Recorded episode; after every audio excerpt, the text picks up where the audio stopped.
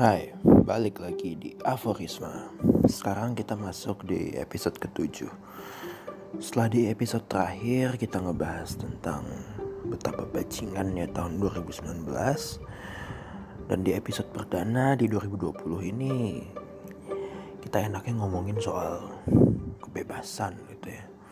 Karena kan orang tiap awal tahun ya punya dia punya resolusi, dia punya mimpi, dia punya tujuan gitu. Wah gue harus lebih gitu, gue harus ini gitu, gue harus ngurangin ini, gue harus mencapai ini, gue harus merelakan hal ini gitu. Tapi entah apa pun itu semua kita cenderung ya intinya lebih gitu. Kita pengen hal yang lebih baik lah gitu daripada tahun sebelumnya. Dan itu termasuk soal kebebasan kita. Kita selalu pengen jadi individu yang lebih bebas, yang lebih punya kuasa atas hidup kita gitu. Tapi kita benar-benar tahu nggak sih kebebasan itu apa? Hmm. Ada yang tahu nggak? Karena banyak dimensinya banget sih kebebasan ini gitu. Ada ya kebebasan entah itu untuk hidup, kebebasan untuk berpendapat, kebebasan untuk bepergian ke mana aja kebebasan untuk mendapatkan apa pun gitu tapi ya itu tadi banyak dimensinya banyak batasannya gitu. Tapi ya kita sering dengan sempit dalam tanda kutip itu untuk memaknainya gitu. Pengen hidup bebas padahal hidup sendiri hidup itu sendiri nggak tahu deh bebas atau enggak ini ngutip pemikiran dari ya beberapa tokoh lah gitu yang banyak membahas soal kebebasan. Nah, kebebasan ini sendiri memang paling banyak dibahas dari segi eksistensialisme sebelum dia masuk lagi ke ranah yang lebih spesifik lah, entah itu ke persoalan HAM, politik, ekonomi, dan lain sebagainya. Dan di awal itu ada tokoh namanya Jean Paul Sartre. Ini ada pernyataan dia yang menarik banget nih. Dia bilang man is condemned to be free gitu. Setiap orang itu terkutuk untuk menjadi bebas. Nah, Kenapa nih dia bisa bilang kebebasan itu sebuah kutukan nih? Karena buat beliau gitu. Saat manusia di saat manusia dikategorikan sebagai makhluk yang bebas, tapi di satu sisi dia nggak punya arahan, dia nggak punya batasan, dia nggak nggak punya gambaran soal kebebasan itu sendiri. Gitu. Dan selagi kita dipenuhi oleh kebingungan-kebingungan soal apa itu kebebasan, di saat yang sama itu kita dipaksa untuk membuat pilihan. Nah, pilihan atas hal-hal apa saja yang akan kita lakukan nih di hidup kita. Nah, tujuannya kita membuat pilihan ini kan untuk memberikan makna nih sama hidup kita supaya ada esensinya gitu. Sedangkan bagi Sartre ini sendiri ya eksistensi itu mendahului esensi. Gitu. Jadi kita existing dulu nih, kita ada dulu, kita sebagai sebuah being gitu ya, sebagai sebuah being yang utuh. Kita mengada dalam tanda kutip di dunia ini, kita berinteraksi, kita melakukan berbagai macam keputusan, dan itulah yang pada akhirnya memberikan esensi pada hidup kita. Nah, tapi sebelum kita sampai sampai ke esensi itu, nah di part eksistensi inilah gitu, si manusia itu bingung gitu, pilihan-pilihannya sangat banyak, sedangkan dia nggak punya patokan apa-apa gitu dia nggak punya batasan apa-apa. Dan saat kita memutuskan untuk memilih sesuatu gitu itu ya pada akhirnya memang pilihan itu akan memberikan makna lah pada hidup kita gitu. tapi di satu sisi kan kita nggak tahu gini ini pilihan ini benar-benar baik apa enggak. Jadi di saat yang sama gitu di saat yang bersamaan kita punya dua beban. Yaitu satu itu untuk mencari tahu ini keputusan ini baik atau enggak gitu. Dan makna apa yang akan dikasih oleh keputusan tersebut pada hidup kita?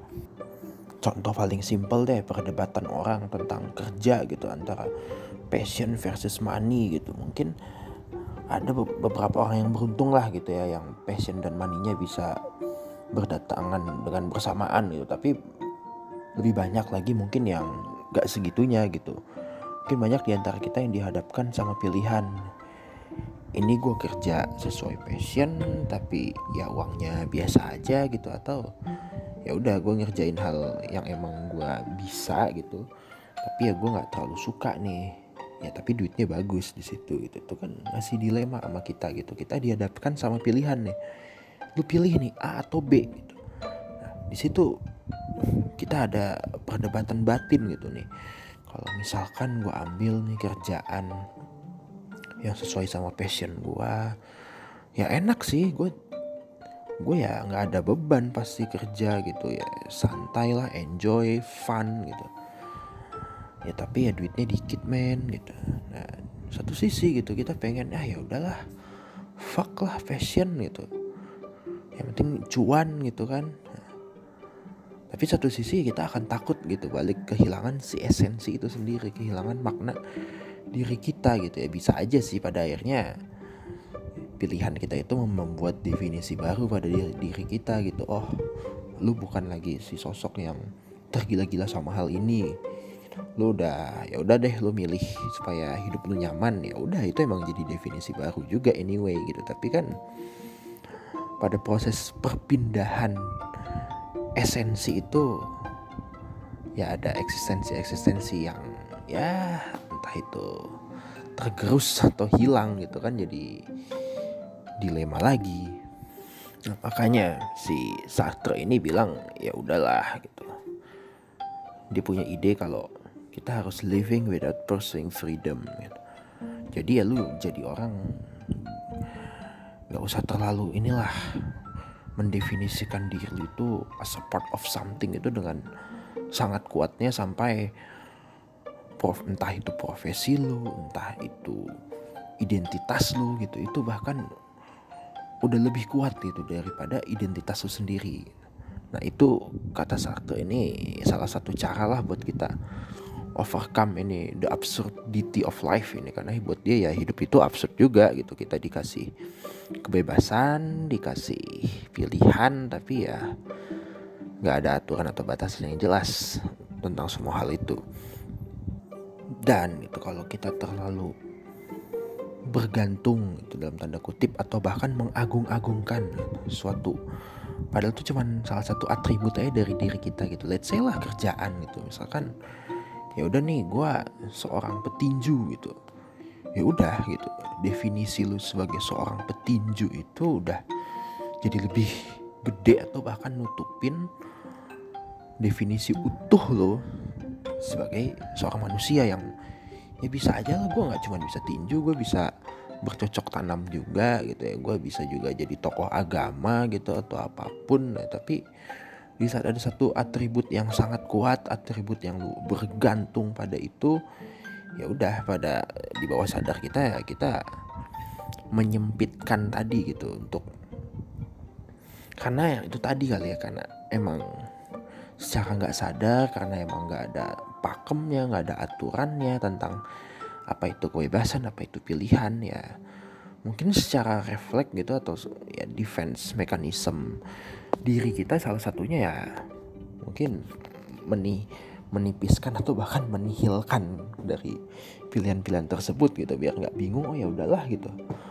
Ya lu jago tinju udah lu udah udah jadi petinju aja udah definisikan diri lu sebagai petinju gitu. Udah tutuplah potensi lu potensi potensi lu untuk menjadi hal yang lain gitu. Udah settle di satu hal. Hmm, tuh. Kata-kata settle ini nih yang menurut gue sih agak tricky gitu ya ya anyway siapa sih yang gak pengen settle gitu? Semua orang pengen lah gitu. Bisa hidup tenang gitu bisa hidup berkecukupan bisa dapat pendidikan yang layak ekonomi yang bagus ya yes. semua pengen lah gitu itu impian semua orang. Ya tapi ya coba kita kesampingkan dulu gitu ya. Ini gue nggak bukan berusaha untuk menafikan kebutuhan kita akan hal itu. Gue pribadi pun butuh ya. tapi ini kan kita lagi bahas dari kacamata Sartre ini ya mungkin nggak usah yang terlalu ekstrim deh. Let's say ya udah lu tetap bisa tidur dengan nyenyak tiap hari nggak kelaparan gitu ya. Punya punya tabungan yang cukup ya punya juga apa biaya mendadak dan lain dan lain sebagainya gitu. Investasi atau apa pun itu lu tetap bisa punya hal itu. Nah tapi gimana nih kalau dengan tetap menjaga hal-hal tersebut gitu kita punya potensi untuk menjadi suatu hal yang lain dari diri kita gitu. Nah kita bakal mau nggak tuh ngambilnya? Belum tentu kan? Nah itu yang dimaksud si Sartre tadi itu. Kenapa kita ya udah nggak usah nggak usah terlalu inilah bergantung gitu pada satu. Cuman cuman atribut lah dalam diri kita profesi kita itu keahlian kita itu cuman salah satu atribut dari diri kita aja gitu. Definisi kita yang utuh itu jangan sampai didefinisikan oleh sesuatu yang sifatnya partikular. Nah itu kan bisa banget terjadi sama tiap-tiap dari diri kita yang memang dari kecil udah dihadapkan dengan berbagai macam pilihan dan kita juga diberi akses kebebasan. Tapi gimana nih kalau emang ada orang ya emang dia nggak punya banyak kebebasan dalam hidupnya gitu. Coba terakhir tuh gue nonton series di Netflix yang cukup bagus gitu. When They See Us bukan cukup sih bagus banget menurut gue nah itu menceritakan gimana ada beberapa remaja kulit hitam di Amerika mereka dituduh gitu melakukan satu kasus pembunuhan pemerkosaan yang sangat brutal yang padahal mereka nggak lakuin gitu. Bukan mereka pelakunya tapi karena waktu itu polisi clueless gitu ya polisi made up story gitu ya udahlah ya. Nah, namanya juga hmm, ya udahlah. Sering terjadi lah mungkin tuh di mana mana nah jadi karena polisi butuh gitu untuk mencari ya someone to blame gitu mencari tersangka ya udah akhirnya dibikinlah anak-anak ini yang masih mungkin kondisinya entah usia SMP akhir atau belum tamat SMA lah gitu bahkan atau ya baru sekitaran mau kuliah or something umur range umurnya antara 14 sampai 18 tahun gitu. Nah sekelompok remaja ini akhirnya penjara gitu dan ya di film itu dikisahkan lah dengan sangat dramatis dan sangat bagus gitu. Bagaimana komunitas-komunitas orang kulit hitam itu ya cukup solid lah pada masa itu gitu ya. Karena emang ya rasisme ya masih ada sih sampai sekarang gitu. Cuman sampai mereka di penjara gitu dan pada akhirnya setelah bertahun-tahun habis kalah di pengadilan mereka harus jalanin masa hukuman bahkan kehilangan masa mudanya gitu ya di penjara. Ada yang sampai belasan tahun bahkan. Nah saat mereka di usia-usia ya yang buat kita itu mungkin saat-saat potensial lah gitu kita bisa bisa melihat banyak horizon, bisa dapat banyak inspirasi dan juga ada pembentukan identitas diri kita di situ. Nah, di saat momen-momen seperti itu, anak-anak ini ada dalam sistem penjara yang mereka semua udah diatur gitu. Bahkan kapan lu bisa bisa berak eh itu diatur gitu kan. Nah, itu yang mempengaruhi persepsi mereka soal kebebasan gitu karena di mindset mereka ya udah gue hidup ada aturannya gue bahkan bisa kena matahari selama berapa jam dalam sehari. Itu aja ada aturannya gitu. Gue cara gue bersosialisasi itu ada aturannya gitu. Entah itu aturan dari penjara ataupun mungkin aturan dari sesama napinya kan beda-beda gitu. Dan orang-orang inilah gitu yang gak banyak dikasih kebebasan, gak banyak dikasih pilihan dan aksi mereka juga ya. Terbatas lah cuman satu lingkup penjara ya paling berapa ratus meter sih luasnya gitu penjara kan. Dan saat mereka bebas gitu banyak dari mereka yang bingung. Karena ya nggak tahu gitu caranya hidup di luar ini kayak apa nggak ada aturan men gitu. Nggak ada yang nyuruh gue bangun nggak ada yang ngebentak-bentak gue suruh cepet-cepet ngabisin makanan ya kadang kebebasan tuh bisa jadi burden buat orang-orang kayak gitu gitu. Mereka kaget kalau nggak ada lagi yang yang menentukan gitu yang memberikan batasan memberikan arahan pada mereka tentang hal-hal apa saja yang bisa mereka lakukan dan tidak bisa mereka lakukan. Nah ini cerita ini juga ada di film Shawshank Redemption gitu yang saat gue lupa namanya tuh yang jaga perpustakaan itu yang orang paling tua itulah gitu. Ya sampai dia udah mau keluar dia masih tetap berusaha melakukan tindakan kriminal biar dipenjara lagi gitu. Dan sampai akhirnya dia bebas gitu dia nggak tahu mau ngapain dia bunuh diri men.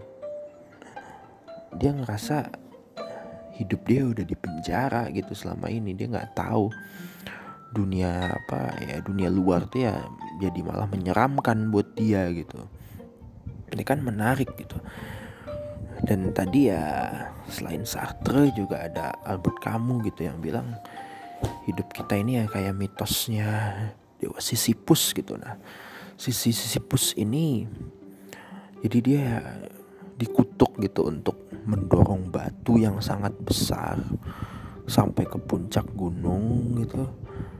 Nanti udah di atas sampai dia turun lagi dan diulang begitu terus ya nggak tahu sampai kapan. Dan buat kamu ya Albert kamu ya ini sejaman lah Mas Arthur mereka selain ya mereka ini sebagai musuh dan teman tuh sama-sama deketnya gitu ya.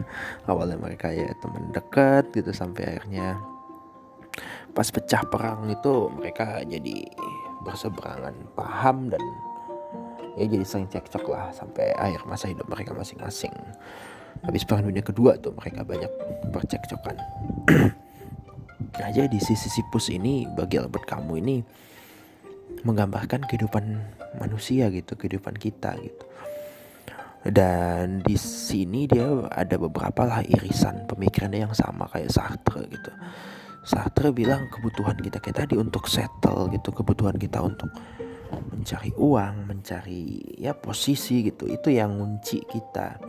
Dan ini bagi kamu ya kayak si Sisyphus itu gitu. Lu hidup ya udah lu dulu sekolah gitu lu SD, SMP, SMA, kuliah, kerja, nikah, punya anak, tet tet tet anak lu gede tas segala macem punya cucu udah lu mati gitu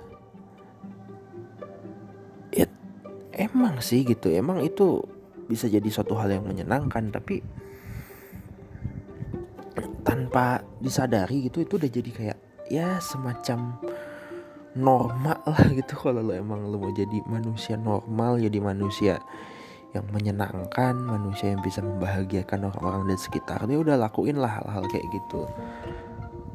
Hidupilah siklus itu gitu. Ya mungkin cara orang beda-beda gitu dan ya bisa banget sih lo melakukan itu semua dengan bahagia ya bisa banget. Gue udah gue udah punya banyak buktinya lah gitu.